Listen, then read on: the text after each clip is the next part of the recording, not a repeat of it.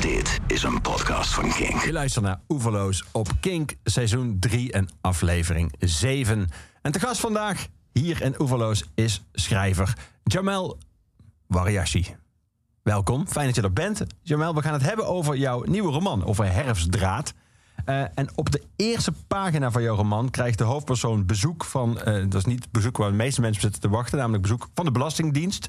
Uh, omdat hij nog iets moet betalen. Um, en die mevrouw van de Belastingdienst die heet Monique Sluiter. Die naam kwam me bekend voor. Ja, dat is mij helemaal niet. dat schijnt een of andere BN'er te zijn of zoiets. Maar ik, dat, dat, begreep ik dan net. Maar nee, ik heb geen idee waar die naam vandaan komt. Het zou best eens kunnen dat ik, ik heb zelf wel eens met een belastinginspecteur te maken gehad, dat ik die naam gewoon uh, heb opgeslagen en uh, gebruikt. Ik heb geen idee. Ik dacht echt dat dat een referentie was naar een oude seksbom of zo. Want hij was een beetje zo Playboy model en zo. Denk ik, komt ja. een hele. Ja, het doet wel een belletje rinkelen nu. Ja, ja dat. Uh, ontluikende seksfantasie naar boven, maar niets ja. van dat alles dus. Nee, en als het al uh, zit dan in ieder geval uh, minstens 20, 30 jaar ouder. Ja. En door de Belastingdienst verzuurd geraakt. ja.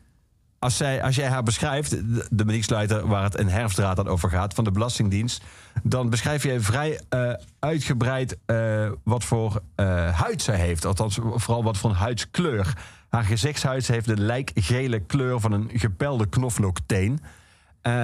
en dat is iets wat in jouw roman vaker terugkomt. Niet per se die beschrijving, maar de focus op huidskleur. Ja de vraag of dat uh, een witte huid is of een blanke huid en hoe belangrijk dat is. Um, waarom uh, heb je ervoor gekozen om meteen, want dat doe je meteen op de eerste pagina. Je zet meteen het belang van huidskleur en wat sommige mensen daarvan belang aan hechten, zet je meteen neer. Yeah. Um, is dat iets wat jou de afgelopen jaren heeft gefascineerd? Dat dat, dat huidskleur zo'n belangrijke rol is gaan spelen in het maatschappelijk debat? Ja, dat is natuurlijk wel iets uh, met de hele woke-beweging van de afgelopen, die afgelopen nou, zijn tien jaar nogal prominent is geworden in Nederland. Is er een focus komen te liggen, niet alleen op zwart, uh, maar zeker ook op de witte huidskleur. En uh, waarbij je ook niet meer blanke huidskleur zou mogen zeggen, eigenlijk. Um, en uh, het, het, is, voor mij een, een, manier van denken, het hele woke-denken, die zo absurd en, en bijna uh, ja, volkomen bizar is. Dat het de, in ieder geval deze obsessie met huidskleur, daar wilde ik aandacht aan gaan besteden. Hoe, uh, hoe krankzinnig het eigenlijk is om de wereld. Als je eigenlijk strijdt voor gelijkwaardigheid en een gelijkwaardige behandeling voor iedereen, dat je dan zo'n ontzettende obsessie met huidskleur hebt. En ik dacht, nou laten we het dan goed doen. Laten we dan heel precies zijn en benoemen wie welke exacte huidskleur heeft. En voor mij als schrijver is dat natuurlijk ook een plezierige bezigheid om zo exact mogelijk iemand te omschrijven. Dat was eraan af te lezen, ja. Want die, die knoflookteen, die kan iedereen meteen wel voor zich zien. En uh, een hoofdstuk verderop gaat het alleen over een cognackleurige vrouw. Heb je ook wel beelden bij. Dus het is eigenlijk, um, is het een, in mijn ogen, een respectvollere manier om mensen hun uh, uiterlijk te beschrijven. Om het zo op zo'n manier te doen. Op een gaat jouw hoofdpersoon die komt, in uh, die, die komt op een nieuwe plek te wonen. En dan wordt, die geacht mee te doen en, uh, aan een soort van gesprekken met de hele buurt. Uh, en die gesprekken moeten zo respectvol mogelijk verlopen. en dan wordt al snel ook het thema van huidskleur aangesneden. En dan stelt hij inderdaad voor om het zo precies mogelijk. hij, hij zegt hier, ik zal het even, even voorlezen. Kijk, zeg ik, ik wil in principe best wit zeggen als blank de verkeerde associaties oproept. Maar eigenlijk, hè, eigenlijk is bijna ieders huid gekleurd een een of andere gradatie van bruin. Dus ik zeg liever aardappelbruin of cappuccino kleur of chocoladebruin of een romige pindakaastijnt. Ik noem maar wat, snap je? Originele benamingen die precies zijn. En omdat ze precies zijn, zijn ze respectvol. Want ze doen recht aan de individualiteit van ieder zijn huidkleur. Ja. Um, dat element vooral, dat laatste.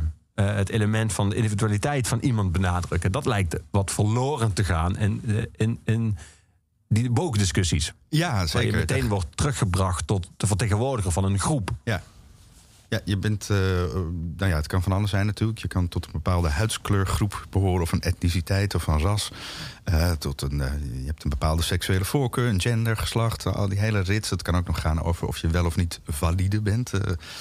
Ehm, dus het, het, eh, inderdaad, je de identiteit of eh, individualiteit doet er steeds minder toe. En identiteit, eh, daar wordt al het belang aan gehecht.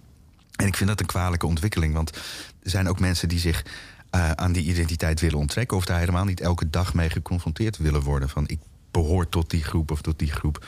Ehm, en um, dus het, het is, wat mij betreft, staat het lijnrecht tegenover het, het meer progressief liberale denken van behandelen iedereen hetzelfde. En dat ideaal is nog lang niet waargemaakt, ook in Nederland niet. Uh, maar het is wel een streven waar ik veel meer affiniteit mee eh, voel dan met het streven van, nou ja, de woke-beweging. Het is ook maar een naam natuurlijk. Uh, de, je kunt het ook de critical race theory activisten noemen. Of de, nou ja, goed. In ieder geval is altijd gedachtegoed gebaseerd op een academisch discours. dat voornamelijk in de Verenigde Staten is ontwikkeld. Um, dat van de intersectionaliteit en de identiteitspolitiek. En dat is hier naartoe geheveld, ik denk een beetje in de tijd van de Zwarte Pieten discussie. En dat sloeg hier blijkbaar heel erg aan in bepaalde kringen. Um, en nu, uh, nu zitten we ermee. ja, je wordt van deel worden die termen letterlijk overgenomen. Van deel worden ze, uh, nou, ik zou bijna zeggen, bijna net zo letterlijk vertaald. Wat heeft jouw voorkeur? Wat vind jij minder afschuwelijk klinken. Als je al die academische Amerikaanse termen in de discussie gooit, of als je daar een Nederlandse versie van maakt. Bijvoorbeeld, people of color wordt dan mensen van kleur. Wat ik nog steeds een heel rare grammaticale constructie vind. Ja. Maar die inmiddels ook in kranten wordt overgenomen. Ja, zeker. Het is een. Uh, ja, ik, weet, ik weet ook niet of het voor een Amerikaan even gruwelijk klinkt eigenlijk. Um, zou best eens kunnen dat People of Color net zo gruwelijk is. Maar um, voor mijn uh, Nederlandse oor heb ik liever de originele Amerikaanse term dan die die zeer gemarkeerde, uh, afschuwelijke vertalingen. Ja, zo de, ik denk de allerergste is toch wel enslaved. Uh, de correcte versie van slaaf. Tot slaaf gemaakt inmiddels.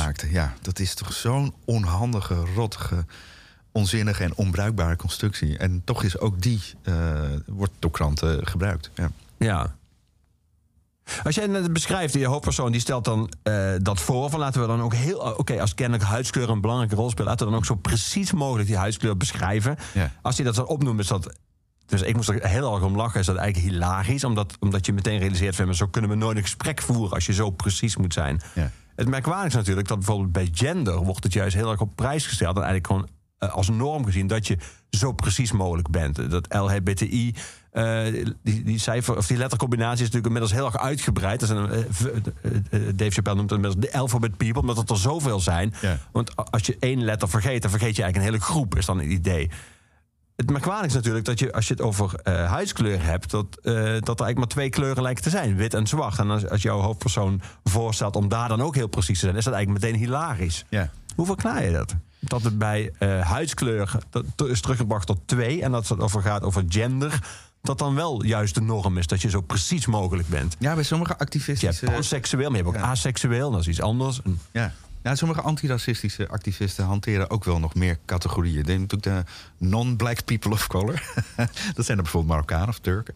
Um, dus de, nou ja, daar is het dan ook wel weer bijna een soort klassenverschil. Want de, de, de echte zwarte hebben het het zwaarst. En dan de, de nou ja, bruine of uh, lichtbruine die uh, staan dan toch ergens wat lager op de, op de intersectionele ladder, blijkbaar. Uh, dus die, ik heb het idee dat het niet de bedoeling is om ook een discussie aan te gaan. Um, het is ook op dat moment in het boek bijvoorbeeld dat hij voorstelt om, nou laten we dat bijvoorbeeld zeggen, uh, inderdaad cappuccino kleurig of, of cacao of whatever.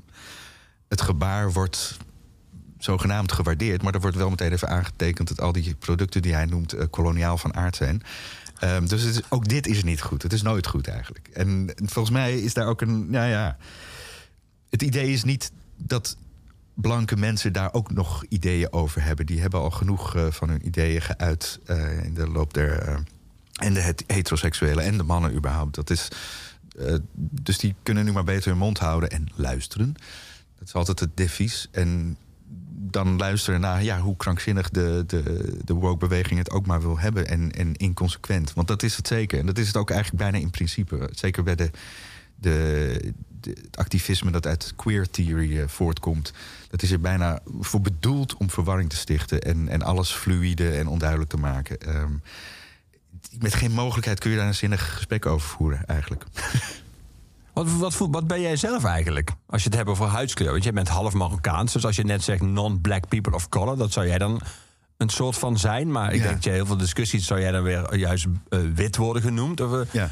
Ja, ik, wat ben voel zonder jij meer- zelf? Ik ben wel eens, eh, er is mij wel eens te kennen gegeven door een hele woke eh, advocaat op Twitter dat ik passing for white ben. Dat kan dus ook. Je kunt wel eh, ja, een non-black person of color zijn van binnen en dan een blanke huid hebben zoals ik, en blauwe ogen en donkerblond haar. Eh, Dan ga je door voor wit en dan ben je ook in het hele debat eh, sta je eigenlijk aan de, aan de witte kant. Dus ehm, ik heb daar geen keuze over. Ik, ben, eh, in, ik, ik moet me daar naar voegen, blijkbaar. En zo te horen is daar nog geen Nederlandse term voor bedacht. Eh, nou, ik ben hem wel eens tegengekomen. Ja, je, ja, volgens mij is het gewoon passeren voor wit.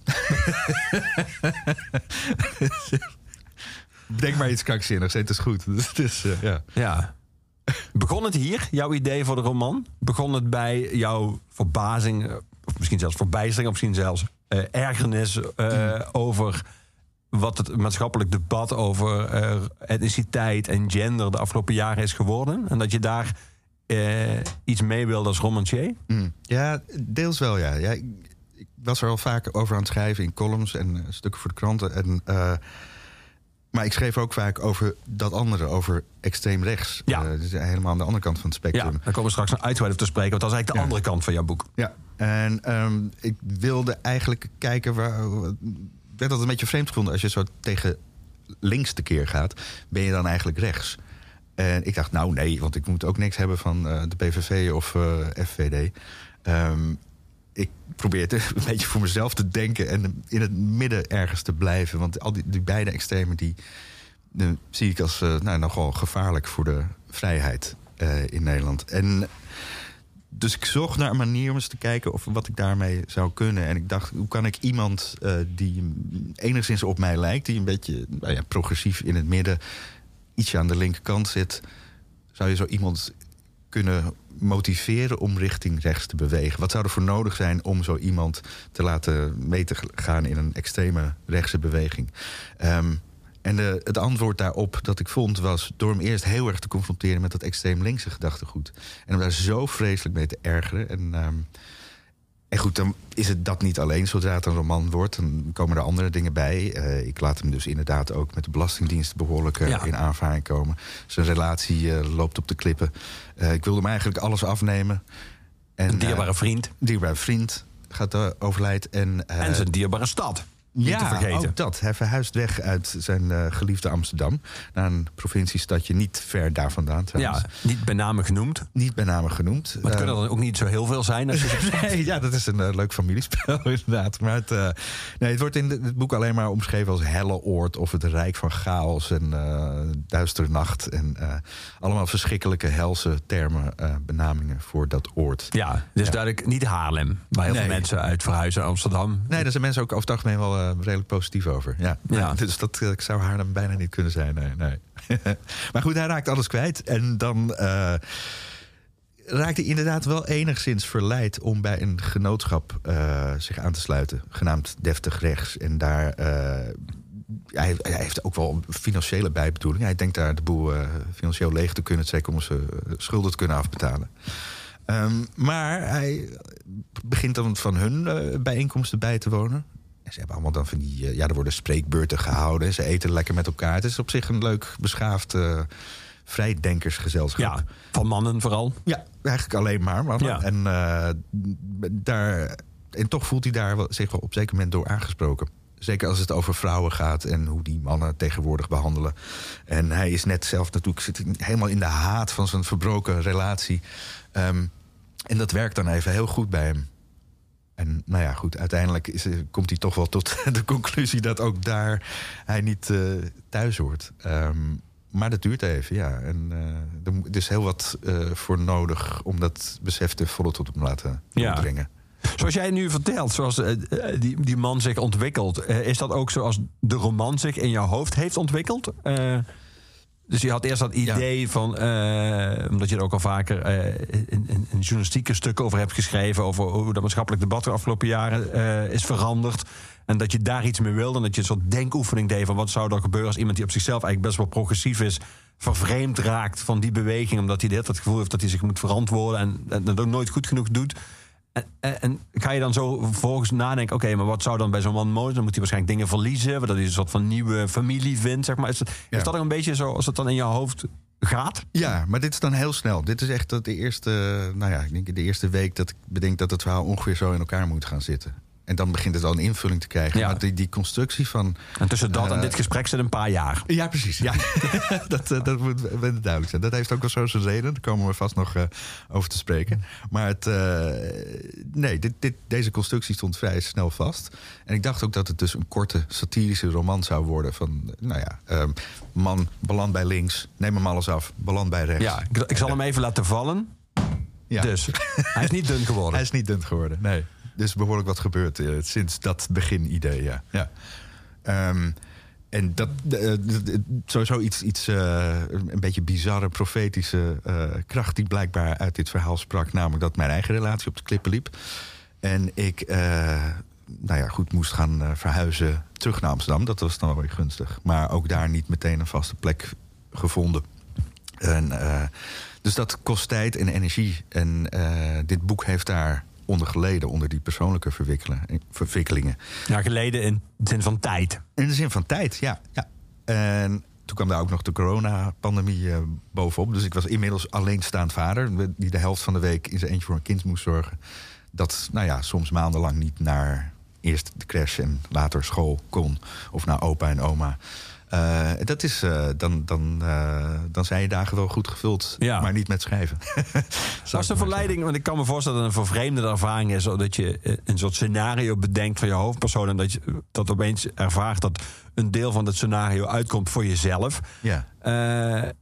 Dan, dan ga je verhaal dus aanpassen. Dan komen er dingen bij. Maar dan komt er vervolgens een wereldwijde pandemie. Is dat dan nog de verleiding om die dan ook maar in het boek te schrijven? En die hoofdpersoon ook nog een pandemie te laten meemaken? Of, of Ja. besloot je gegeven moment, nu is, wel, nu is het verhaal wel afgebakend genoeg. En eh, misschien nog meer onheil over mezelf afroepen. Ik heb er wel even over gedacht. Want er is een, zit een epilooghoofdstuk aan het eind van het boek.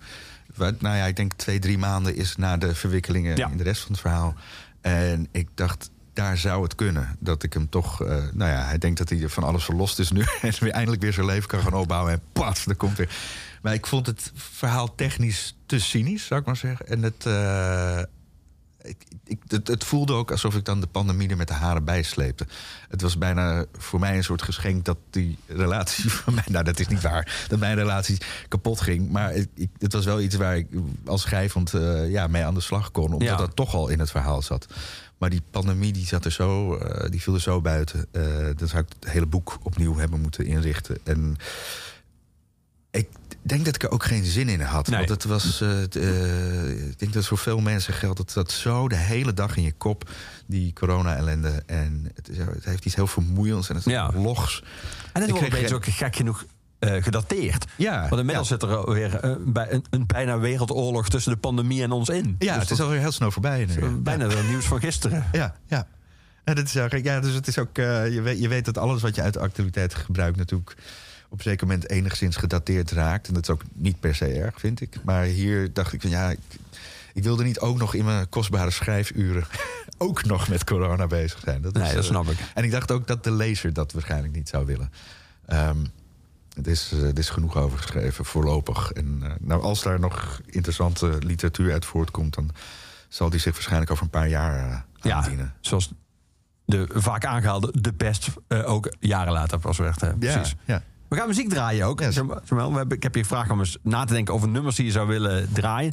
Eén nummer is onontkoombaar. Dan kom- gaan we later, want dat wil ik wat langer met je inleiden. Dat is een nummer van The Cure. Mhm. eh, dat ook eh, eh, niet alleen als naamgever van het tweede deel van het boek, maar ook de, de Cure zelf en een optreden van de Cure eh, een hele grote en belangrijke rol speelt in het boek. Dus dat, dat, dat, dat gunnen we even de tijd die het nodig heeft. Eh, maar je hebt genoeg, genoeg ook andere muziek aangedragen. Laten we beginnen met eh, het nummer dat heette Lambambola. Ja, Ehm, kun je iets over vertellen? Wie, naar wie gaan we luisteren? Patti Bravo heet ze. Ja. Een Italiaanse zangeres die met dit hitje in eind jaren 60 scoorde, denk ik. Dat was voor Eh, jouw tijd dus, want jij bent van de jaren 70. Ja, nee, ja, inderdaad. Ik ben 78, dus 10 jaar. Volgens mij is het uit 68 dit nummer. En eh, Ik, ik weet verder heel weinig van haar. Ik heb de, wel eens beelden gezien van dat ze dit ergens in een zo'n lekker vet aangezette Italiaanse spelprogramma of zo komt zingen. Um, nee, het is, ik denk dat ik het ontdekt heb toen ik ooit een paar aantal jaar geleden op Sicilië was. En het is een. Uh, ik stip het heel eventjes aan in het boek. Ik heb, ik heb niet echt greatest hits hier vandaag uh, meegenomen. De nummers die per se voor mij belangrijk zijn. Maar een paar nummers die met het boek te maken hebben. En een paar die gewoon mijn. Uh, huidige stemming weergeven. Die vrolijker is dan de stemming in het boek trouwens. Maar dit is een mooi. Um... Schrijf je, als jij schrijft, draai je dan muziek? Ja, ja wel voornamelijk eh, klassieke muziek, omdat ik niet tegen uh, zang kan. Dat leidt af, dan ja, je naar teksten ja, luistert. Ja, ja, en dat, uh, dat, dat, lukt me niet. Heel soms wil het wel eens lukken als ik niet per se heel precies hoef te zijn in het schrijven. Dan kan het wel, om een beetje de stemming... ik luister wel vooraf vaak naar meestal één lied. Waar we om in de stemming te komen? Ja, ja. Dat was hier dan natuurlijk dat nummer van The Cure heel vaak. Ja. maar daar komen we inderdaad nog op. Uh, nee, dit is een heel lekker sentimenteel, dik, uh, dikke Italiaanse uh, ja, smartlap eigenlijk. Um, die even in het boek genoemd wordt als, als het over het dochtertje van de hoofdfiguur gaat. Ja. Die op een van de eerste dagen na, na haar geboorte met haar danst. En dit was nou, ja, er, zit ook autobiografisch materiaal in het boek. Dit was nou zoiets, dat vond ik mooi om erin te gebruiken. Uh, om hem te laten dansen met zijn eigen dochter op dit sentimentele, mooie Italiaanse lied.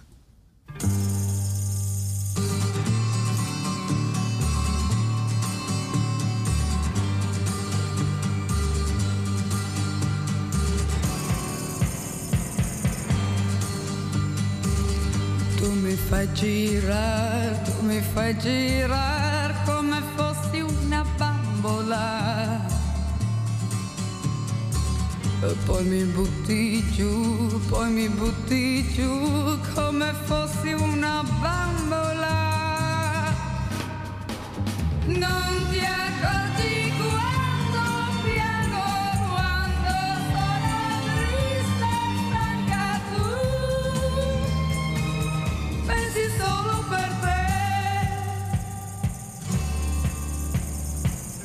No ragazzo no, no ragazzo no, del mio amore non riderei. Non ci gioco più, quando giochi tu sai far male da piangere. Da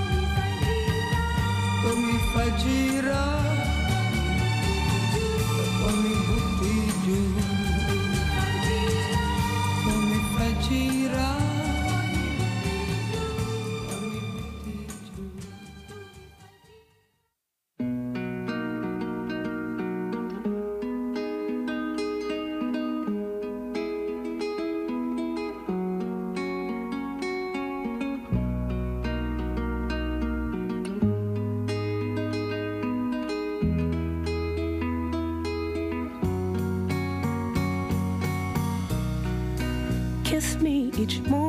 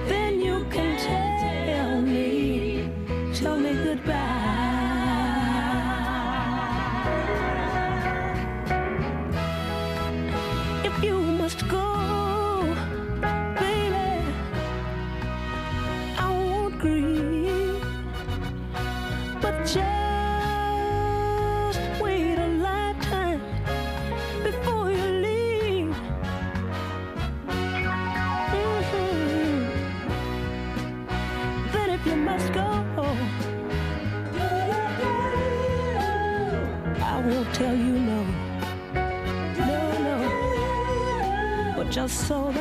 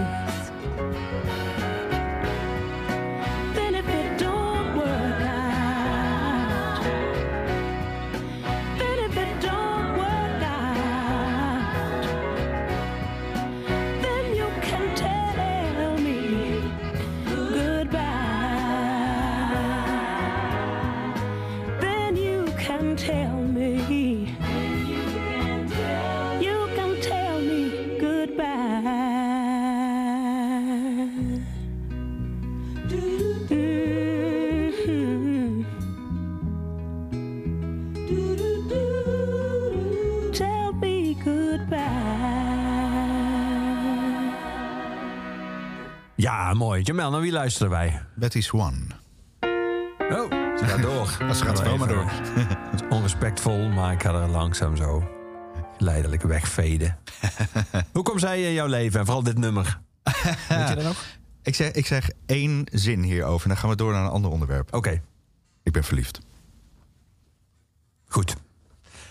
Jamel, Ja. er is een passage in het boek waar eh, je hoofdpersoon eh, bij dat kru- het kruispunt heet dat, dat die, die organisatie waar hij eh, geacht wordt als nieuwe bewoner regelmatig te komen. Want de buurt moet elkaar leren kennen en je, wordt- je hebt een soort van sociale verplichting om daar regelmatig op te komen draven. Maar hij wordt op ook geïnterviewd, want hij is natuurlijk schrijver. Dan krijgt hij een groot interview en dan vertelt hij over zijn werk en dan vertelt hij ook eens over de roman die hij momenteel aan het schrijven is. Die heet De Blauwe Terreur. Hij heeft inmiddels zelf natuurlijk ervaringen met de Belastingdienst. eh, maar het gaat ook, het is heel erg geïnspireerd door de toeslagenaffaire. Ik gebruik je dat woord niet, maar de manier waarop de Belastingdienst met, eh, met, met, met, met, met vermeende fraudeurs omgaat en die mensen kapot maakt. En daar is hij over aan het vertellen. En moment wordt hij onderbroken door iemand die zegt. dat is helemaal heel interessant, maar je hebt net uit een andere roman voorgelezen. Een roman die hij al heeft geschreven, Sabotage. En eh, dan zegt hij inderdaad, dat was een van de fragmenten. En dan zegt de, de spreker vanuit de zaal... nou, daar gebruikt u het N-woord. Dat is op zichzelf natuurlijk heel interessant. Want eh, de N-word en de Verenigde Staten... eh, dat, dat is een woord wat eh, eh, blanke of witte mensen niet eh, geacht worden uit te spreken. Maar de N-word in de Verenigde Staten is niet negro. Eh, terwijl het N-woord in Nederland is geworden neger. Ja. Wat een paar jaar geleden een woord was dat ook gewoon nog in discussies werd ge- gebruikt en in songtekst en in literatuur overal opdook. eh, daar zie je bijvoorbeeld een soort van verwarrend effect van als je, eh, als je gaat vertalen. Ja. eh, dat een woord dat echt veel onschuldiger was een paar jaar geleden nog dan wat in de Verenigde Staten een N-word is, Ja. eh, naar Nederland wordt overgeheveld en opeens de discussie helemaal verandert. Ehm, wat ik me afvroeg is, want hij gaat dan uitleggen, ja, maar ik gebruik dat woord, niet een van mijn personages in die roman. eh eh, gebruikt dat woord. Ja. En als ik moet laten, wil laten zien en wil beschrijven, wil laten voelen hoe dat personage is, moet ik hem die taal laten gebruiken. En dan zeggen die mensen, ja, maar dat hoeft helemaal niet. Je kan hem ook andere dingen laten zeggen. En daar voel je heel erg in jouw roman de, eh, ges- de gespannen verhouding tussen, ik zou bijna zeggen, tussen, tussen kunst en woke. Ja. Eh, want je moet af en toe in kunst dingen lezen die je onaangenaam vindt om ze te kunnen ervaren. En deze mensen vinden dat ze daarvan vrijgewaard moeten blijven. Ja. Ehm, wat ik me afvroeg is toen ik dat las. eh, is het lastig voor jou geweest om, eh, om het woke gedachtegoed ook mooie literatuur te laten opleveren? Want je moet, jij moet ook die woke mensen in hun taal laten spreken. Ja. En soms zijn die zinnen niet te doen. Ja. Eh, maar je moest het wel zo letterlijk mogelijk opschrijven. Want je moet wel mij laten voelen als lezer wat dat gedachtegoed is. Ja, ik heb het een beetje eh, getemperd, gek genoeg. Eh, ja, je, zou, maar getemperd. je zou het niet zeggen, maar ik, je kunt er echt nog veel verder gaan in het parodiëren van die taal. En ik dacht, laat ze nou maar het grootste deel van de tijd in een soort van normale zinnen spreken.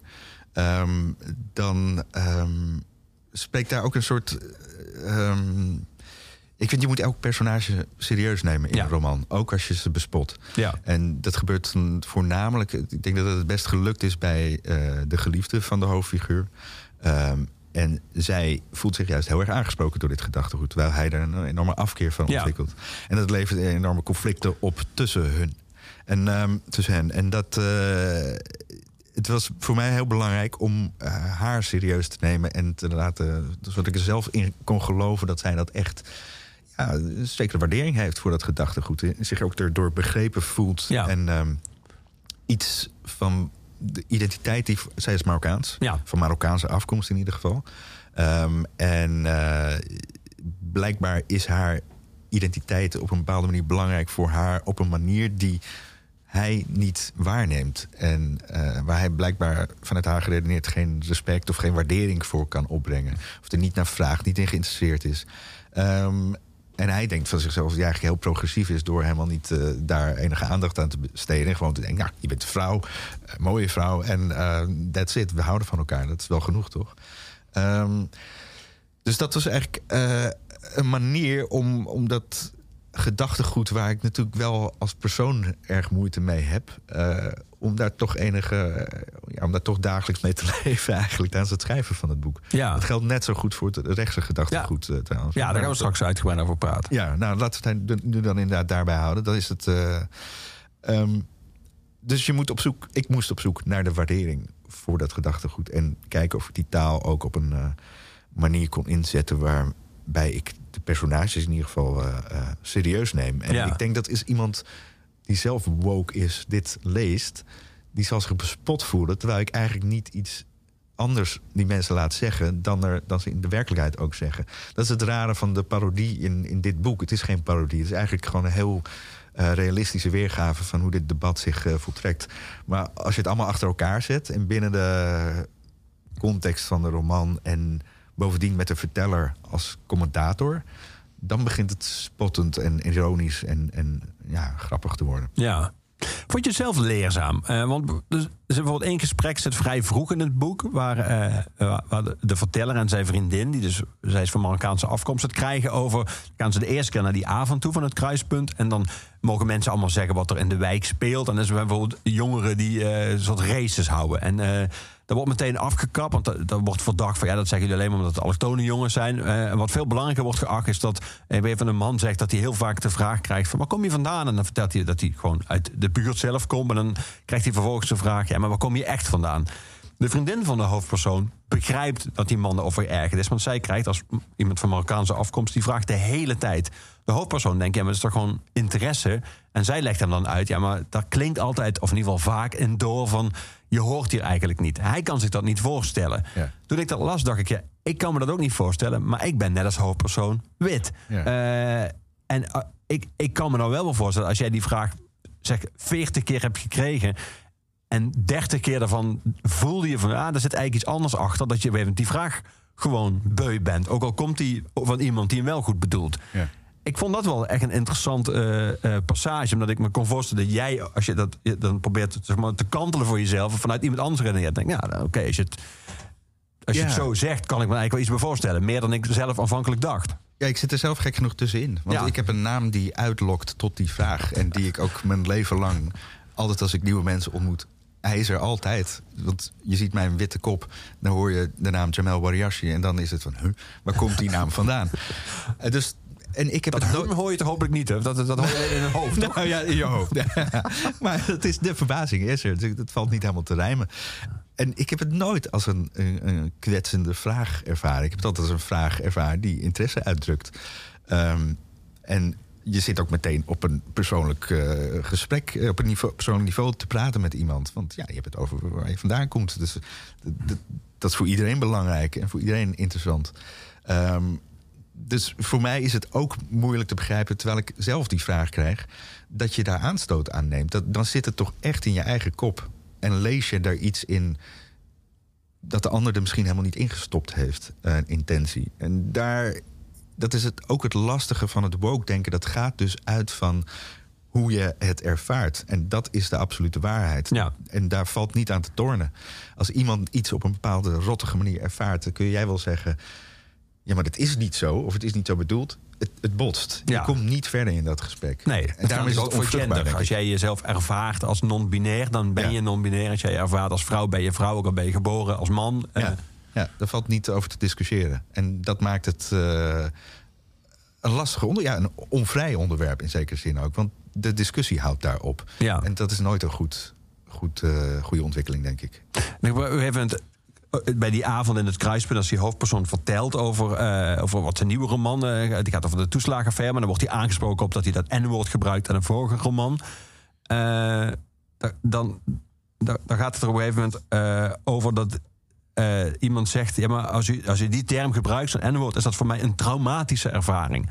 Dus de hoofdpersoon eh, heeft gewerkt als psycholoog en die weet wat, het, wat een trauma is. Een trauma is, is niet een woord dat je zomaar kan, eh, in een discussie kan gooien. Het is een, medisch afgebakende ervaring. Ja. Jij bent zelf volgens mij ook psycholoog geweest. Ja. Is het- het voor jou Ik ben het in dit opzicht heel erg met de, de diagnose van de hoofdfiguur eens. Ja. Ja, maar het lijkt me voor jou een hele rare eh, gewaarwording dat sommige eh, tegenwoordig, als je een, een ziekte vrij gebruikt, geldt dat als validisme. Ja. Maar een term als trauma mag je wel heel vrij gebruiken. Ja. Terwijl mensen die een echt een trauma hebben, hebben ze, worden er soms een leven lang voor behandeld, omdat het omdat het zo ingrijpt. En dat is niet een term die je dan ook heel zomaar even in een gesprek zou mogen gooien. Ja, dat is een beetje de willekeur hè, van dat, hoe dat de discours zich eh, voltrekt. Ja, het ene mag je wel eh, eh, vrijelijk gebruiken en het andere niet. Ja, trauma is natuurlijk... Ja, woorden zijn niet traumatiserend. Daar is gewoon geen... en het kan natuurlijk wel zo zijn dat als jij, weet ik veel... ehm, het woord zelfmoord hoort. Ja. En je bent machinist en je hebt eh, meermalen zelfmoordenaars voor je trein gehad.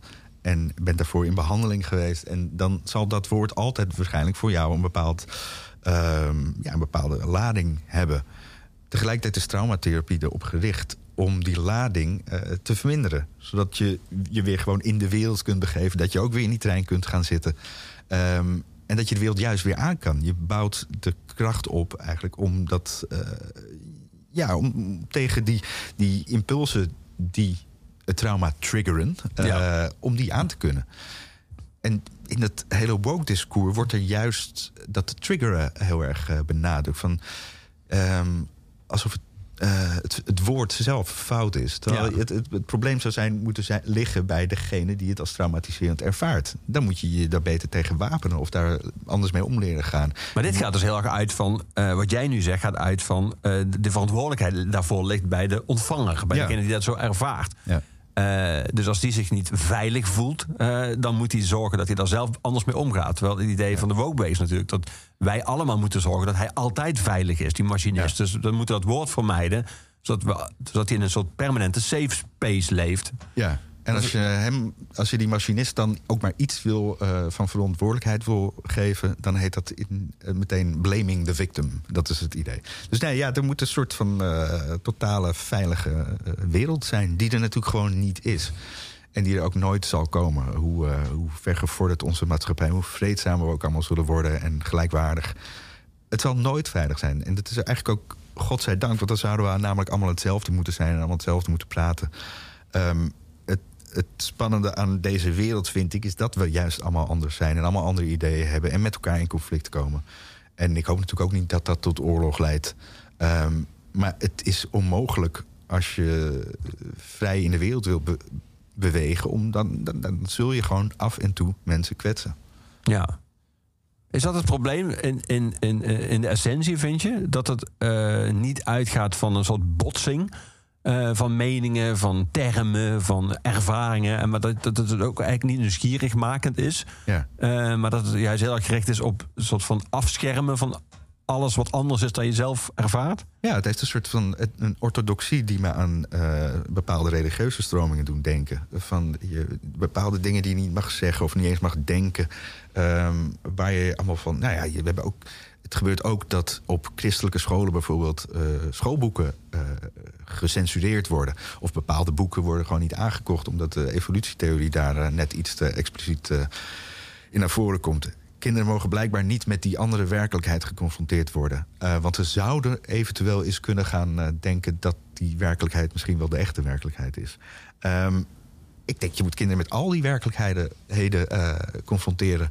En ze de goede informatie bieden. En, zodat ze zelf daar oordelen over kunnen vormen. Maar dat willen religieuze ouders niet. Die willen dat. dat Sommige religieuze ouders trouwens. Je hebt veel vrijzinnige eh, religieuze eh, mensen. Ehm, dus en daar doet het me een beetje aan denken. Dat, voor, dat, dat voortdurende beschermen van iedereen voor ook maar welk ander gedachtegoed dan ook. Heel beklemmend. Ja. Laten we maar muziek gaan draaien. Snel. om een beetje het adem te kunnen halen. Nu ook nu jij vertelt dat het nooit meer een veilige wereld, dat nooit een veilige wereld gaat worden, moeten we even in, eh, in dalen en landen. Martha Wainwright gaan we draaien. Gezellig. Eh, waarom, eh, waarom deze? Omdat het zo'n optimistische, vrolijke, menslievende en warme, warm nummer is.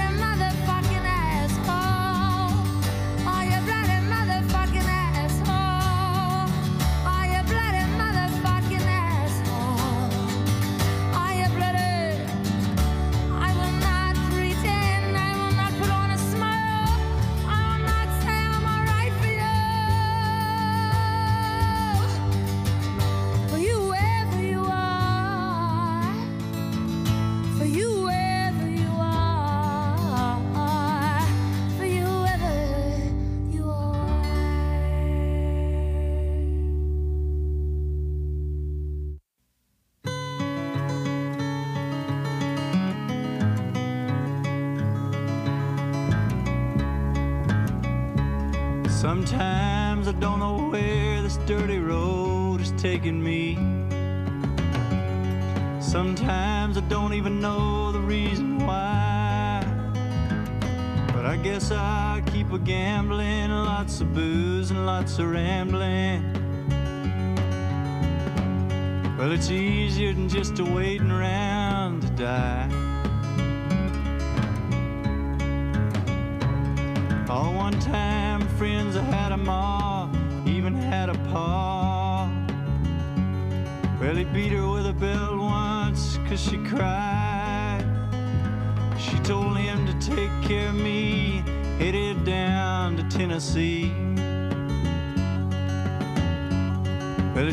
easier than just a waiting around to die.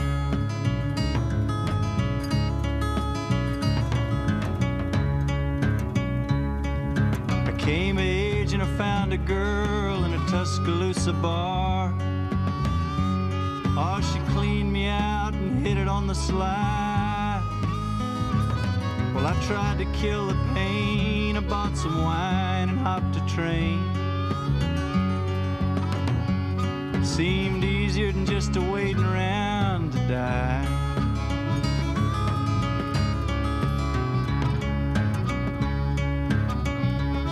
Then a friend said he knew where some easy money was. We robbed a man and brother did we fly. But the posse caught up with me and drug me back to Muskogee. And it's two long years of waiting around to die. Oh, but now I'm out of prison. I got me a friend at last. He don't drink or steal or cheat or lie. Oh, his name's Codeine, he's the nicest thing I've seen.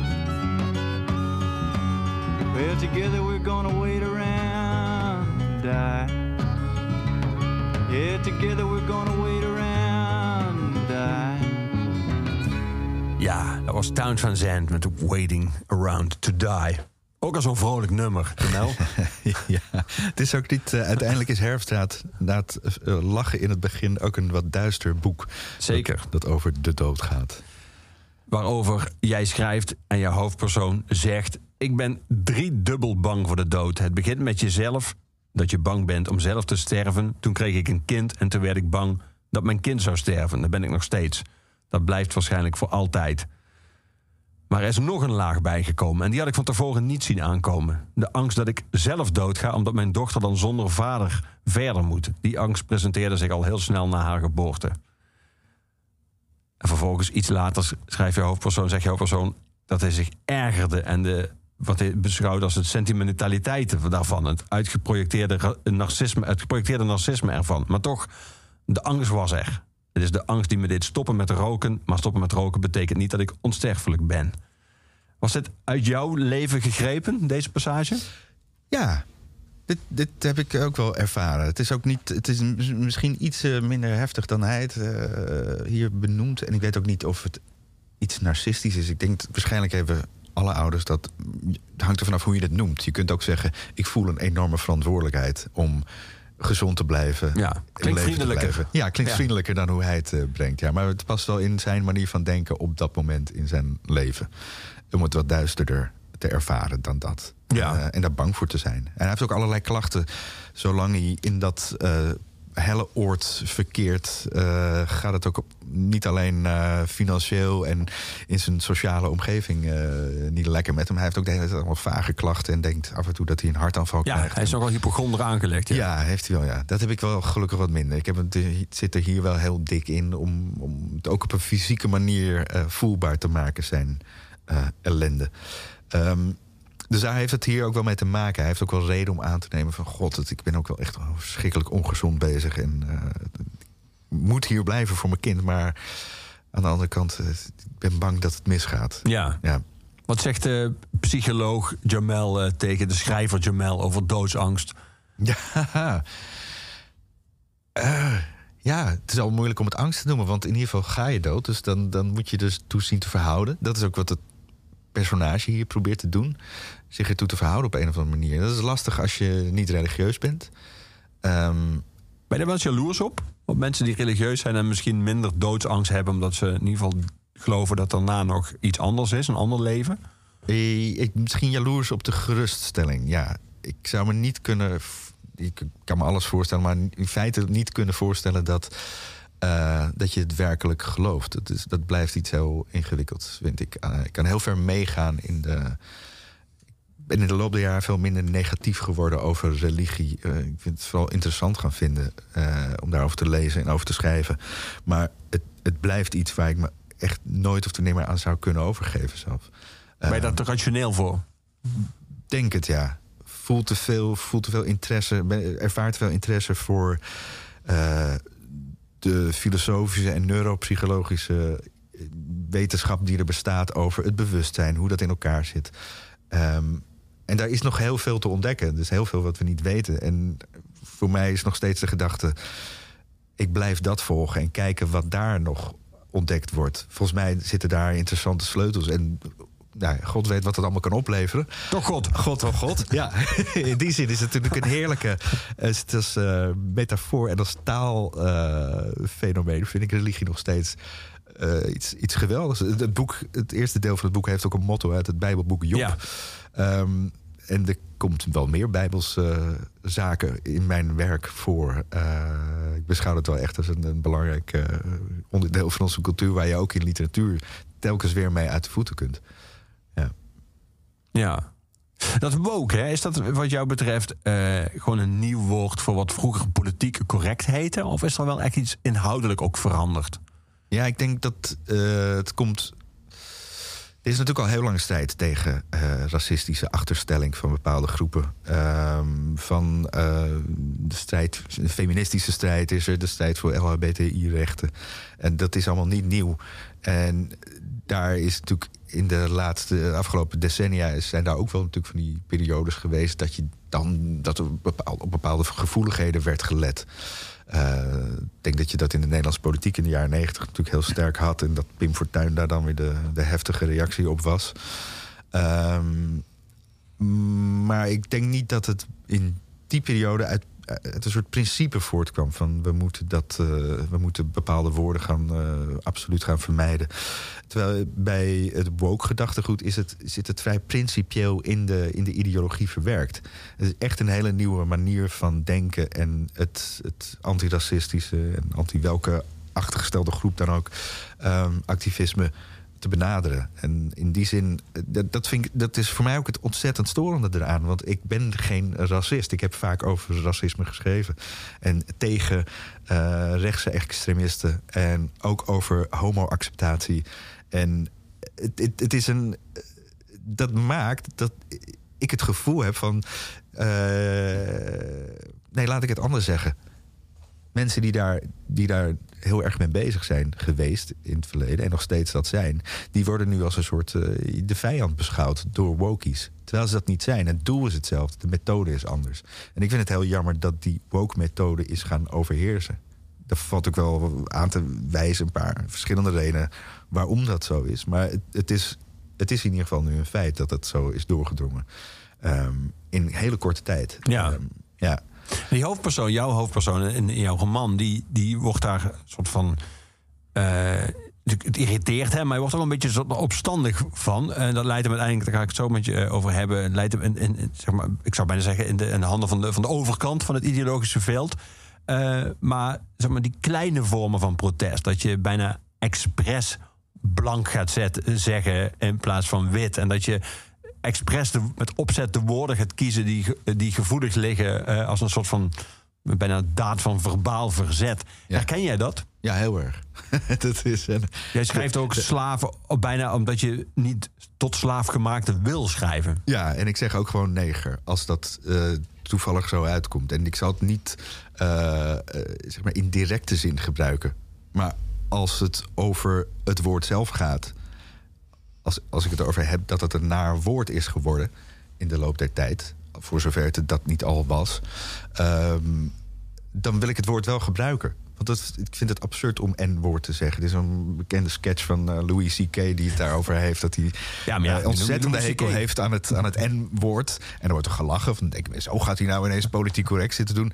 Nee, ik bedoel niet het woord nigger. Ik bedoel het N-woord zelf, die, die afkorting. En, dan, en hij bepleit dan, en daar ben ik het heel erg mee eens... dat op het moment dat je N-woord zegt... activeer je dat woord dat je probeert te vermijden in ieders hoofd. En dus, you make me say it in my head, zegt Louis C.K. dan. En dat is, dat is het gestoorde. Het is werkelijk volkomen absurd om op zo'n manier met woorden om te gaan. Ja. Iedereen weet wat je Je bedoelt. noemt zelfs niet alleen de N-woord, jij noemt ook Louis C.K. Dat is eigenlijk bijna twee statements in één zin op dit moment. Ja, zeker. Dat is ook een heel fout statement. De. L-woord. Ja. ja. Nu gaat die hoppers over uiteindelijk gaat, ik zei dan naar de overkant. Die komt bij een gezelschap terecht hij zich aanvankelijk echt best wel thuis voelt. Deftig rechts. Mannen bij elkaar die lezingen houden en eh, het eten bij het leven vieren.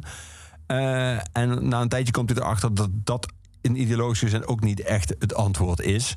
Ehm, wat had jij vooral in, in, eh, in, je achterhoofd toen je probeerde een soort beeld te schetsen van deftig rechts? Zat jij in wat hoe ooit Forum begon? Eh, wat ook een soort waar ook mensen als Paul Cliteur is nog steeds actief, maar er waren in het begin nog wel een soort van intellectuelen voelden zich aangesproken door dat hele cultuurtje rondom Baudet. En die zijn allemaal gillend weggerend inmiddels. Maar in het begin hing daar nog een soort van idee van een soort vrijdenkersachtig iets of zo eh, omheen. Het was al vrij snel duidelijk dat dat maar één richting uitging, namelijk extreem rechts. Maar had je dat in je, in je hoofd? Ja, dat is die sfeer een beetje. Dat, eh, het, het, dus niet zeg maar het, het PVV-rechts. Ehm, dat, eh, die toch volgens mij meer voor de midden- en de arbeidersklasse Ja. opkomen. Dat, was dat, Die hebben nooit gepretendeerd dat ze deftig waren. Nee, nee. En dat is ook altijd. eh, en daarom werd Baudet ook gezien natuurlijk als het beschaafde alternatief voor Wilders. Ja. Ehm, het blijft dezelfde boodschap natuurlijk. Nou, Je zegt het wat eh, interessant. Je gebruikt iets meer Latijnse woorden. Ja, ja, precies. Ja, ja.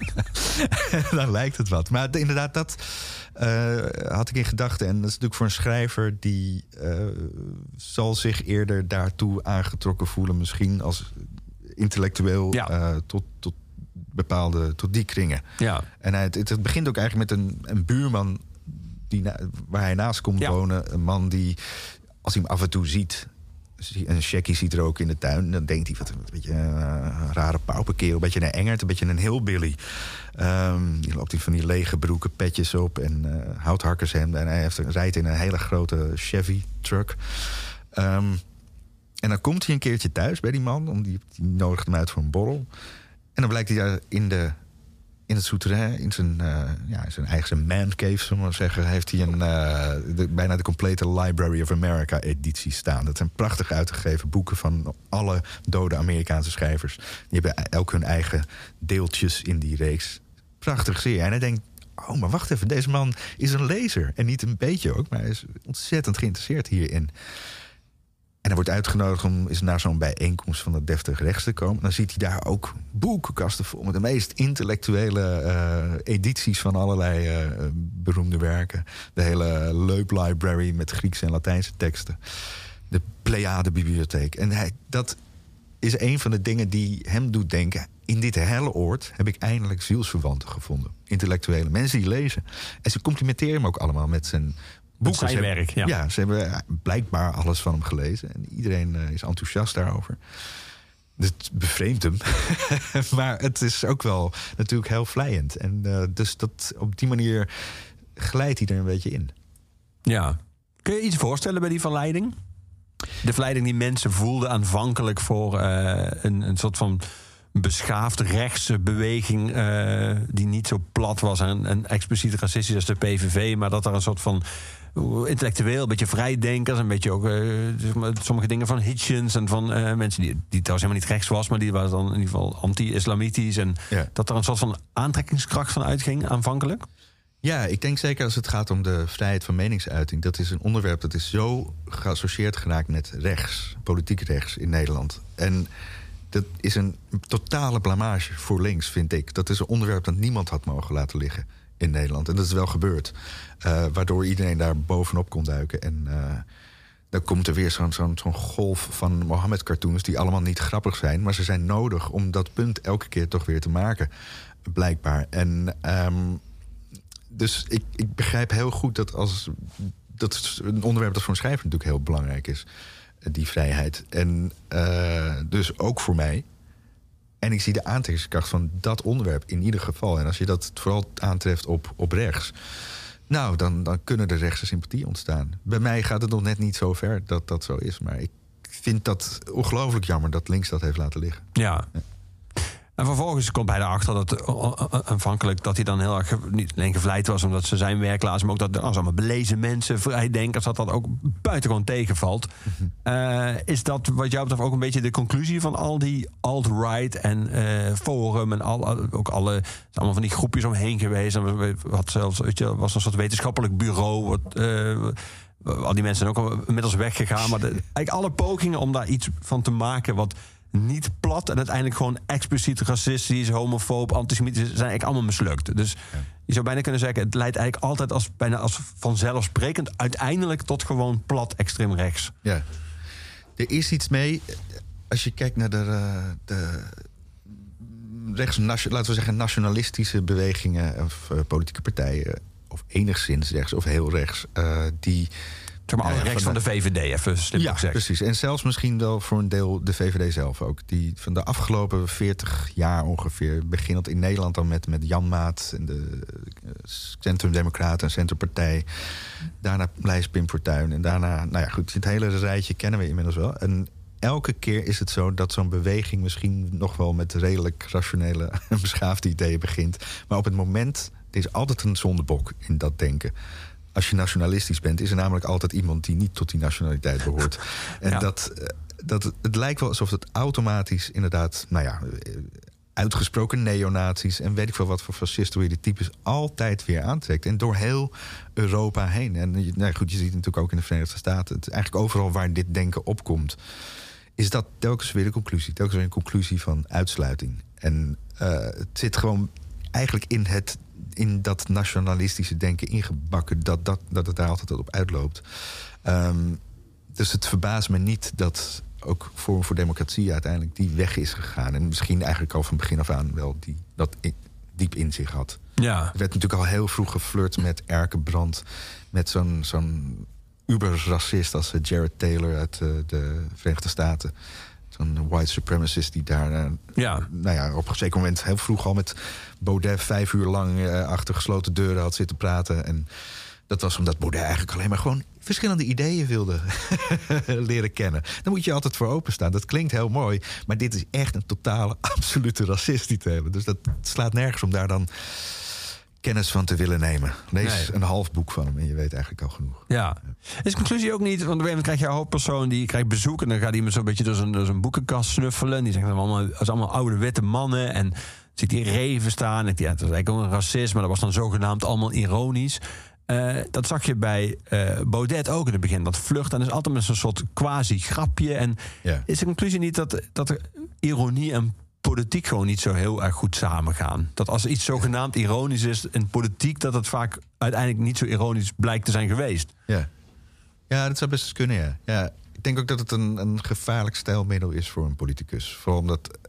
ehm, nou ja, die mensen houden zich natuurlijk be- bezig met hele serieuze zaken. Ehm, en natuurlijk kan daar wel eens een grap gemaakt worden. Maar het is, het is zo delicaat. Dat die grap kan zich net zo goed meteen weer tegen je keren. Of, eh, Ben jij daar voorzichtiger mee zelf? Want je bent uh, romancier, maar je bent ook publicist. Je, schrijft ook columns, essays. Eh, merk jij zelf dat jij in jouw taalkeuze let op niet zozeer eh, waar je niet rekening mee te houden, namelijk dat je mensen niet wil kwetsen, maar dat je in ieder geval voorzichtiger bent dat je niet verkeerd begrepen wordt?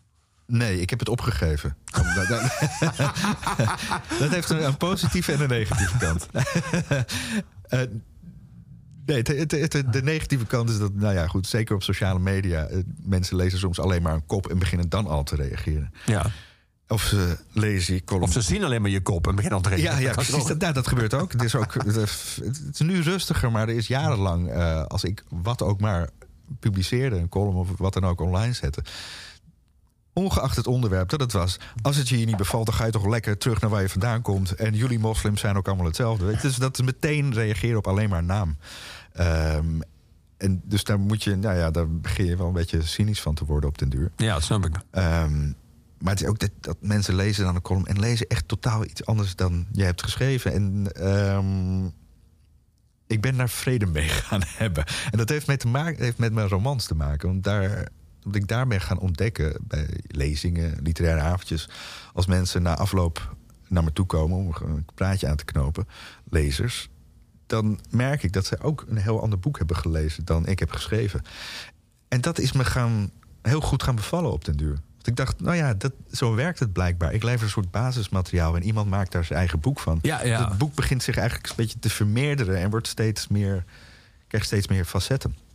En dat eh, vind ik heel aantrekkelijk daaraan als het om, nou ja, dus om romans gaat. Het is moeilijker te accepteren bij columns, maar eh, ik heb een- het is een. eh, Wat was het begin? Dan ging je, in het begin, ging je dan uitleggen? Nee, nee, nee, maar ik bedoelde eigenlijk dit. Ik heb, ik heb het bij mijn eerste roman echt gedacht van iedereen, niemand heeft het begrepen. en ik werd het ook echt gaan uitleggen hier en daar. Maar het, het, ik, ik heb het gewoon opgegeven. Ik dacht, dat is, dit is niet de manier om dit te benaderen. Maar je hebt niet alleen opgegeven, je hebt ook gewoon eh, aanvaard, misschien zelfs omarmd dat de Ja. roman is wat hij voor de lezer is. Ja, zeker. Ja, absoluut. Ja, hoofdpersoon zegt op een gegeven moment, ik zit even ondertussen te zoeken. eh, Die zegt op een gegeven moment, eh, ik zal het even in mijn eigen, ik vind het zo snel niet, in mijn eigen termen samenvatten. Omdat hij best wel hoge verwachtingen had van, ah, ik heb het gevonden. In de jaren voor ik debuteerde stelde ik me, dat zegt hij dus, eh, die hoofdpersoon, de wereld van literatuur en journalistiek voor als een ontmoetingsplaats van briljante geesten. Geesten die filosofische gesprekken met elkaar voerden in de literaire kroegen van de hoofdstad. Geesten die met elkaar, die elkaar met intellectueel vuurwerk uitdaagden. Die het hoogste van zichzelf ook maar van anderen eisten. Omdat de anderen in staat zijn jou boven jezelf te laten uitstijgen. Maar wat ik aantrof waren lege types die van een netwerkkwaliteiten moesten hebben. Heb jij diezelfde deceptie ervaren eh, in de literatuur? Of had jij niet zulke hoge verwachtingen? Of misschien niet zo'n lage eh, resultaten gezien? Ik, ik, ja, ik denk dat ik het iets minder sterk heb ervaren als hij, eh, dan hij. Maar het, ehm, ik weet wel dat toen ik in de literaire wereld belandde... eh, dat was eh nou, 2010, 2011, 2012... begon ik een beetje dat wereldje te verkennen. En Toen had je ook een, een nieuw tijdschrift, een literair tijdschrift... Das Magazine. Die organiseerde feestjes en leesclubavonden. En het allemaal hartstikke hippe de pip was literatuur ineens. In ieder geval in beperkte kring natuurlijk. Maar daar kwamen veel jonge mensen op af. Ja. En dat had een aantrekkelijk eh, eh, imago en een soort rock'n'roll sfeertje heerste er in die wereld toen. En dat vond ik heel plezierig. Maar het had uiteindelijk ook iets oppervlakkigs. Want als ik dacht, wat staat er nou eigenlijk? Wat zijn er nou eigenlijk voor stukken die er in het DAS-magazine verschijnen? Dat was heel vaak ook gewoon ja, lege troep. Lege ego, eh, masturbatie, rotzooi. Dus het, het, eh, dat, dat, ja, dat, en dat vond ik ook wel van veel hoge woordwaarde. Dat, eh, dat- ja, daar kwam er zo ineens uit. het, ik merk dat ook wel bij veel van mijn, de mensen die... Ik weet niet of het generatiegenoten zijn, maar in ieder geval die min of meer tegelijkertijd debuteerden als ik. Die, dat ik dat werk eigenlijk helemaal niet, dat, niet zo hoog had zitten. En als ik daar eens wat over zei, dat het dan meteen op gereageerd werd. Van, oh, wat is die negatief en wat, wat eh, zullen we het gewoon gezellig houden? We zijn toch allemaal, we doen ons best, bla bla bla. Ik merkte wel dat, dat die kritiek werd niet geapprecieerd. En er was geen eh, voorkeur voor lekker de, op papier de strijd met elkaar aangaan. Een pennenstrijd te voeren. Ehm, dus daar, eh, daarvan dacht ik, ja, ja, goed, dit is blijkbaar niet hoe het eh, tegenwoordig werkt. en niet wat ik me ervan had voorgesteld. Maar eh, ja, ik, dit is volgens mij wel gezond geweest om een beetje wat meer terug te trekken uit die wereld. Ik ga er nog wel eens naar, niet café, maar het is niet meer zo. het speelt niet meer zo'n belangrijke rol in mijn leven. En daardoor ben ik de schrijvers die ik wel goed vind ook echt gaan waarderen. Meer. Die zijn er wat meer bovenuit gekomen. En dat zijn ook mijn vrienden geworden, denk ik. Je zei dat net, dat ze jou dan af en toe negatief vonden. Toen moest ik denken aan een passage in je, in je roman. Negatief, dat is het woord dat de meelopers gebruiken voor de kritische eenling. Die verpeste sfeer. Die Ja. is zuur. We kunnen het toch gewoon leuk houden. Of nog erger, waar maak je je druk om? Ja. Dit is dus wel echt uit jouw eh Dit komt wel echt leven geschreven. Echt uit mijn leven, ja. Ik heb in verschillende periodes, dat is allebei wel weer jaren geleden... ehm, ben ik op Twitter, denk ik, vooral gaan schrijven over recensenten. Eh, ik ben recensenten gaan recenseren. Eerst voor NRC, daar zat iemand eh, van wie de recensie zo onuitstaanbaar vond. Ze had mij nooit besproken. Dat gaf me de vrijheid om in ieder geval... Dus niemand dat- kon jou verdenken van wraakzucht. Precies, ja. Dat, dat zat er niet achter. Ik las gewoon wat zij over andere schrijvers die ik waardeerde eh, schreef. En soms ook schrijvers die ik niet waardeerde. Maar in ieder geval, ik zag dat die recensies zo ontzettend slecht beargumenteerd waren. En ik dacht, waarom accepteren we dit als literaire wereld? Waarom kunnen we niet zeggen tegen een recensent... jij doet je werk niet goed. Je kunt anderen wel gaan zitten beoordelen... maar ik, ik heb ook een oordeel over jou. En ik vind het schandalig dat jij ehm, die plek in de krant hebt... en dus blijkbaar toch ja, carrières maken of breken... geldt niet helemaal meer voor de recensenten tegenwoordig. Dat gebeurt toch vooral op televisie inmiddels. Maar toch, het is een belangrijke plek. Zeker bij een krant als NRC. En later ben ik het gaan doen met een Volkskrant recensenten. Ehm, en beide keren werd het me eh, zeker door die kranten niet in dank afgenomen.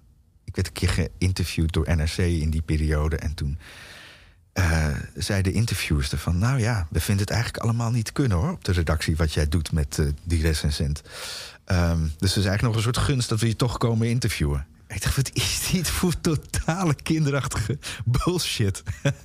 maar goed, zij is weg. Ik ben later zelf gaan recenseren voor NRC. Dus ik heb toch iets bereikt blijkbaar op dat gebied. Heeft iemand jouw recensies al gerecenseerd? Of Nee, is dat nog niet gebeurd? Nou, je, nou ik, ik heb een keertje een boek van Sander Schimmelpenning eh, gerecenseerd.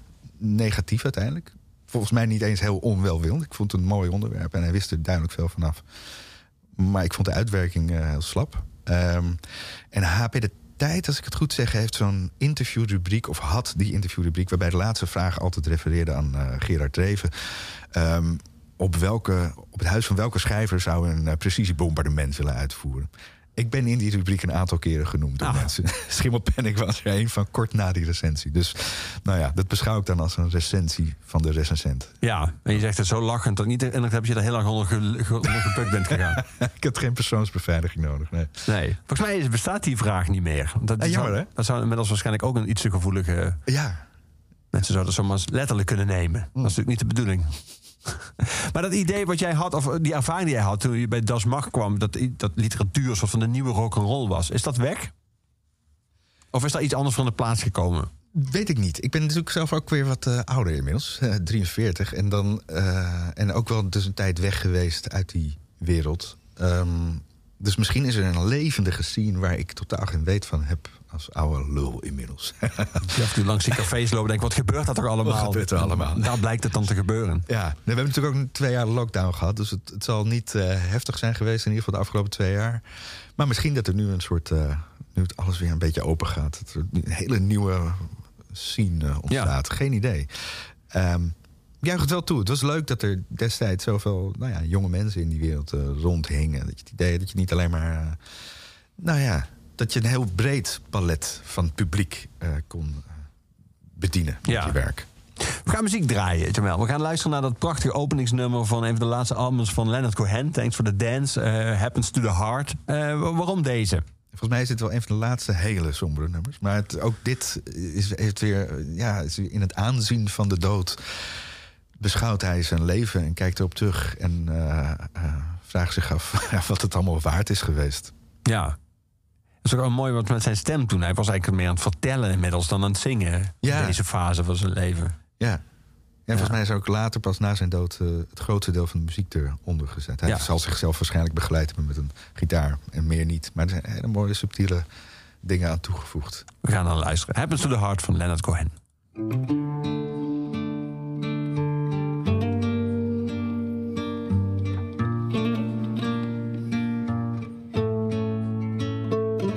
Was always working steady, but I never called it art.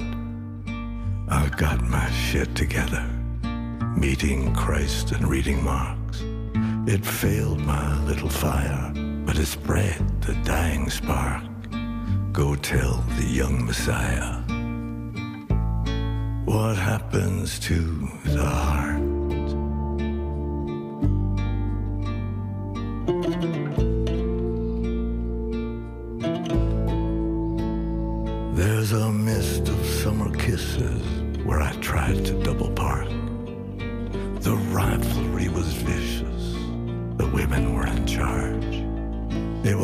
Nothing, it was business,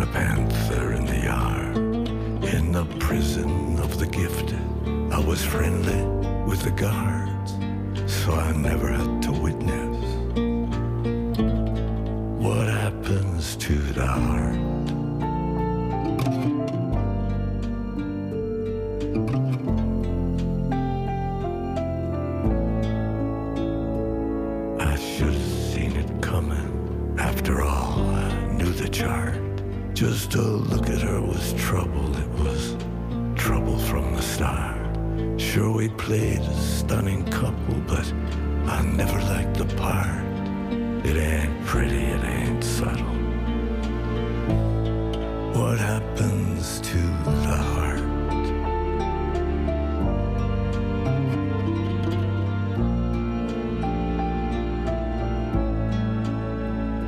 Now the angel's got a fiddle, the devil's got a harp.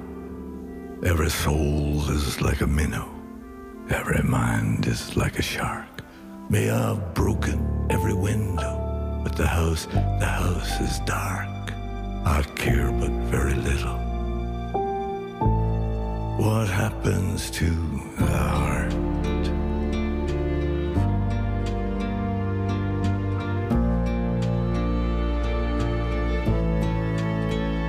Then I studied with this beggar. He was filthy, he was scarred by the claws of many women he had failed to disregard.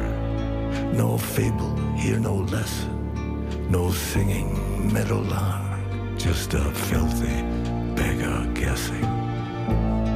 What happens to the heart?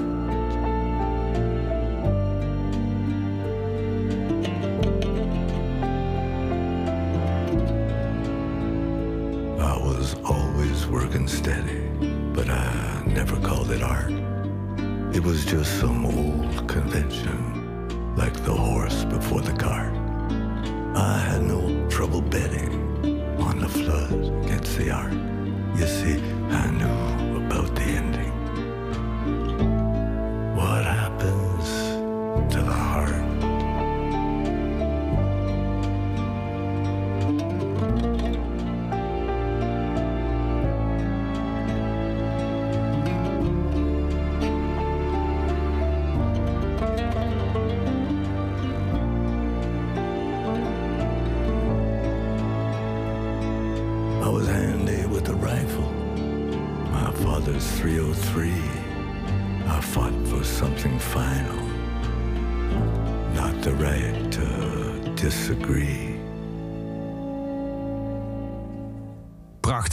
Leonard Cohen. Een keuze van mijn gast vandaag in Oeverloos, Jamel. Jamel, we gaan zo eh, naar The Cure luisteren. Maar dan moeten we wel even inleiden, vind ik. Want The Cure speelt best wel een belangrijke rol in het leven van de hoofdpersoon. En dus ook in jouw boek. Eh, en op een gegeven gaat, eh, gaat het over het concert in Hyde Park. En dan haalt hij herinnering op in 2002. Toen eh, Norman hij, zijn vriend Norman hij, eh, naar Berlijn eh, reisde. Om, eh, waar de Cure maar liefst drie albums achter elkaar zou spelen. in een vrij kleine zaal in, november. En dan in Berlijn natuurlijk met die beetje grauwe, rauwe sfeer die Berlijn zeker in 2002 nog had. En als ze dan volgens een Hyde Park lijkt het wel Pinkpop, zegt hij. Wat niet echt een compliment is volgens mij. Eh, groot en mensen gewoon in, in, in, in, het daglicht. En vrolijk en zo. Ehm, dat, dat, dat concert in 2002, eh, dat, dat, dat, dat is fictie of dat heeft echt, ze hebben ooit echt drie albums achter elkaar gespeeld? Dat hebben ze gedaan. Ze En dan hebben op één een- avond of drie in de achter en volgende avonden. Ze hebben het volgens mij twee avonden toegespeeld in Berlijn. En daar is ook Cool. een DVD van uitgekomen. Eh, en ik was daar inderdaad met mijn beste vriend, eh, die niet Norm heet, eh, bij.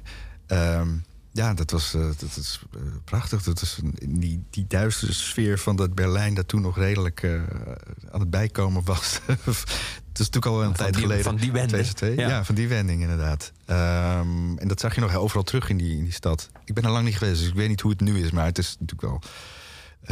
daar is veel van weg wel, van die sporen. Ehm, maar er hing zo'n sfeer die heel erg paste bij die duistere albums. Ja. Nu zie ik jou op social media best wel vaak iets posten van The Cure. Ja. Je zit tegenover me met zwarte nagellak. Is dat, is dat beïnvloed door de stijl van Robert Smith? Eh, Ja, denk het wel, ja. ja. Het heeft wel iets met maken. Die, nagelak ben ik eigenlijk weer gaan dragen tijdens het schrijven van dit boek. Ik, Oh, ja? deed vroeger, ik heb vroeger in een bandje gezeten, deed ik het wel. Als een soort theatraal eh, eh, gebaar. Maar ik vond het daar ook weer wel passen bij de sfeer van dit boek. Om een beetje in de stemming te komen. Ja. Met, met symbolische handelingen. Zoals, Ja. nou ja, bijvoorbeeld En als je tikt, kijk je natuurlijk altijd naar je vingers. Dus dan Ja. kan me voorstellen dat dat wel... Ja. Ik zou het ook kunnen uitleggen, dat is het feit dat ik binair ben. Want mijn ene hand is wel gelakt en de andere hand niet. dat ik hier probeer een beetje tegen het woke gedachtegoed in te gaan. Maar eh, ja, nee. zwart-wit ook nog. Dus Maar de Cure, de Cure en jij gaan dus ver terug. heel ver. Ik denk dat ik een jaar of dertien was toen ik voor het eerst iets van hen hoorde. Ja. En altijd fan gebleven. Of weet het woord fan niet gepast voor jouw verhouding met ze? ja, ik denk het wel, ja. Ja, ik geloof het wel. En dat gaat in golven natuurlijk. Zijn ook periodes dat ik helemaal niet naar, of nauwelijks naar luister. Maar het is, eh, het is iets waar ik altijd weer naar terugkeer, ja, die muziek. En ik ben ze ook altijd blijven volgen, altijd naar concerten geweest. En ja, dus af en toe ook... eh, eh, nou, jij, jij kent dat fenomeen dat je Zeker. een band de grens over gaat. Eh, dus dan hou je echt van een artiest, ja. Ja. En is het, is het inmiddels beschouw je het als, als, als, als een vorm van nostalgie? Of ben je ook eh, nog steeds liefhebber van de Cure nu? Ook wat ze nu maken en eh, wat ze nu uitbrengen?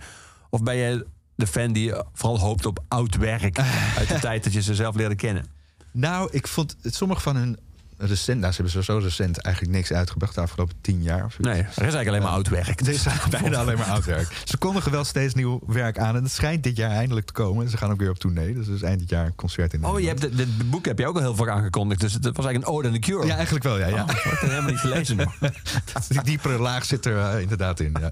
Fijn dat iemand dat een keer opmerkt. Ja, nee, dat is, eh, dus nee, het is niet alleen nostalgie. Ik, ik hoop ook wel steeds op nieuw werk. Ik ben wel altijd benieuwd naar hoe ze zich ontwikkelen. En sommige van hun later werk vind ik ook nog steeds wel... heeft het echt die kracht van, eh, van hun vroege werk. Ja. Ik Ja. vind het ook wel mooi hoor, als, een, een band, als je een band ouder ziet worden en ziet veranderen. Ehm, en- Het grappige is, eh, Robert Smith wordt ouder en tegelijk ook niet. Want zijn Ja. stijl is nog steeds zijn stijl. Hij blijft die make-up dragen en ja. blijft dat vogel. Misschien is het inmiddels een pruik, dat vogelnestkapsel. Ik weet het niet, maar hij ziet er nog steeds zo uit. Ja. Ja. Het heeft ook wel iets, toch? Dat hij een soort van de hele wereld verandert en Robert Smith blijft een soort van Robert Smith. Ja, ja. Ik vind het ook interessant om te zien wat voor bewegingen zij dan maken. Ik In de tijd dat ik ze leerde kennen, waren ze denk ik net over hun allergrootste hoogtepunt eind jaren tachtig heen. En eh, toen begon het een beetje uit te veden. En ik was, wel eens bij een concert geweest dat het gewoon niet uitverkocht was. Waar ik rustig zonder enige problemen voor aan kon gaan staan. Ehm, en toen begon het af en toe weer oplevingen te krijgen. En inmiddels zijn er natuurlijk allerlei eh, bekende bands... die zelf weer geïnspireerd zijn geraakt Ja. door The Cure... en die dat altijd als hun grote voorbeeld noemen. Waardoor jonge mensen ook wel aanhaken. Ja, ja zeker. Ja. Dus dat, dat publiek groeit ook weer aan inderdaad. Ja. Ik heb wel af en toe wel de indruk dat op een gegeven moment is het gewoon ook... eh, spreekt het ook voor een band dat ze al zo lang bestaan? En wordt dat op zichzelf al bijna eh Ja, soort van je legacy? Van, die Ja. zijn er nog steeds. Ja. Ja, dat is ook wel knap als dat lukt. Ja. Ja. Ik denk dat het eh, het krijgt een beetje Rolling Stones-achtige allure. Van, ze, staan er nog steeds en het wordt steeds wankeler. Eh, hoewel ik vind dat Robert Smith live steeds beter zingt. Dat is eh, fascinerend. Dat is bijna nooit zo bij mannelijke zangers. Maar het, Nee. en vrouwelijke trouwens ook niet. Maar het... ehm, nee, dat is opvallend. Ja. En waarom dit nummer? Want Dit nummer speelt ook een belangrijke rol. Het, komt dan terug, terug in het boek. Waarom, waarom Disintegration? Nou, ten eerste, de plaat waar dit vandaan komt, die heet zelf ook Disintegration. Is denk ik hun absolute meesterwerk. Daar gaat nooit meer iets overheen komen ook. Ehm, en dat heeft iets met concentratie te maken. Je voelt dat ze precies weten wat ze aan het doen zijn. En daar in een sfeer terecht zijn gekomen. Die van het begin tot het eind van die plaat eh, houdt die aan. En is die, voel je de kracht en de, de emotie die eronder eh, loopt te sudderen. Ehm dit is allemaal uitleg achteraf van iets wat, wat je eigenlijk niet kunt benoemen als je Nee, het bent nee. goed vindt. Dat, dat klikt op de een of andere manier. Je vindt iets fantastisch. En het is eigenlijk heel moeilijk onder woorden te brengen waarom dat zo is. Eh, en, en, ehm, maar goed, dit nummer Disintegration eh, gaat over verval, vergankelijkheid. En daar gaat het tweede deel vooral van Herfstdaad toch ook Ja, als de dood een over. grote rol spelen. Ja. Ja, precies. Ja. En het is ook zo dat hij, hij ehm, deel van die thematiek heeft ermee te maken dat eh, hij de hoofdfiguur ouder wordt. Hij wordt 40 tijdens het boek, Ja. we zeggen. En eh, dat is blijkbaar toch een soort eh, ja, een eikpunt voor hem, die leeftijd. En zijn beste vriend Norm wordt ook 40. En dan gaan ze samen, dat is een verja- verjaardagscadeautje geweest van die Norm, naar het 40-jarig jubileumconcert van The Cure. En dan denkt, mijn bandje is 40 jaar oud. En die mannen die in dat bandje zitten, die zijn bijna 60 jaar oud. En dat, terwijl hij zelf dus vroeger van heeft gedacht... eh, als hij Rolling Stones fans voorbij zag komen... dacht, jezus, die oude lullen man. Dat is toch niet meer te doen? Je gaat toch niet meer op een podium staan als je zo oud bent? Ehm, en nu is hij zelf fan van zo'n band... die eigenlijk, nou ja, naar popmaatstaven te oud is geworden. Ja, Maar ze, ja, ze doen het nog. we gaan luisteren naar de live versie Ja. van. Disintegration.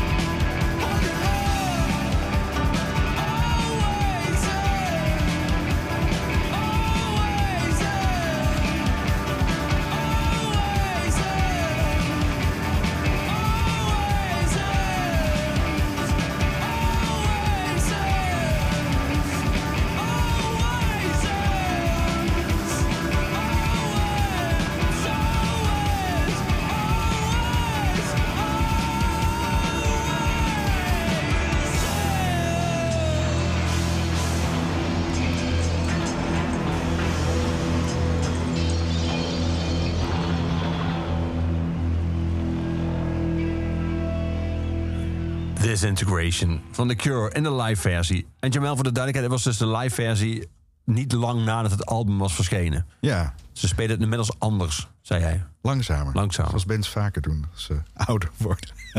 Maar vocaal kan dit nog steeds. Dit Ja. nummer ook. Ja. nou ja, ik denk het wel, ja. Ja, een soort van. Beetje anders misschien ook. Ja. We naderen het einde van deze Overloos, die werd aangeboden door de muziekgieterij. Het laatste nummer is natuurlijk altijd van Gorky, van onze postume huisdichter Luc de Vos. Ik wil daar nog één nummer draaien uit jouw playlist, eh, Jamel. Voor ik je bedank voor eh, deze aanwezigheid, voor je aanwezigheid hier en het, ons gesprek. Herfstdraad ligt nu in de boekhandel. Ik heb hem met ongelooflijk veel plezier. Hij is niet alleen mooi, hij is ook echt vaak heel erg grappig. Ik heb met heel veel plezier gelezen. Eh, je zult hem meteen zien liggen in, eh, de boekhandel, want hij valt heel erg op. Hij heeft een prachtige cover, een zeer opvallende kleuren. Ehm, ik wil graag, eh, als je dat goed vindt, Jamel, eindigen met een nummer. Volgens mij staat dat een van die nummers waar jij op hebt geschreven, Silent Songs. Klopt dat? Ja, dat klopt wel, ja. ja. Het is ook even de weinige nummers waarbij ik wel kon, de tekst aan kon.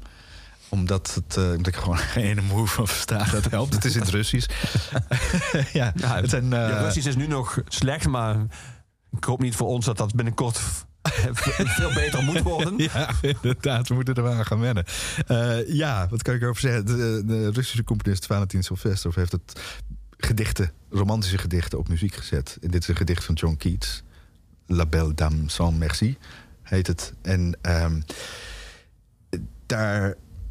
Dat, eigenlijk is dat informatie die ik niet eens per se nodig zou hoeven hebben om dit heel mooi te vinden. Want het, het is hele. De muziek en de zang doen eigenlijk alles. En het, het mooie. Het heeft een soort. Ja, bijna vermoeide Russische zware stem. die heel ingetogen en droevig iets zingt. En dat is om in de stemming te komen voor een duistere passages. eh, kan, dat, kan dat heel goed werken. Om En hoe werkt dat? Dan draai je hem één keer en daarna, hup, Ja. aan de slag. Aan de slag, ja.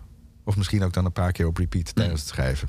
Dat werkt dan zo, ik heb ook Disintegration heel vaak als een soort strijdlied gebruikt. Om dat in de stemming te komen en dan aan de slag te gaan. Ehm, maar ja, dit dus ook, ja. Ja. ja, ja. Dan gaan we daarmee afsluiten. En dan gaan we daarna echt afsluiten met Gorky. Dankjewel, Jamel. Ja, voor je aanwezigheid dankjewel. hier in Overloos.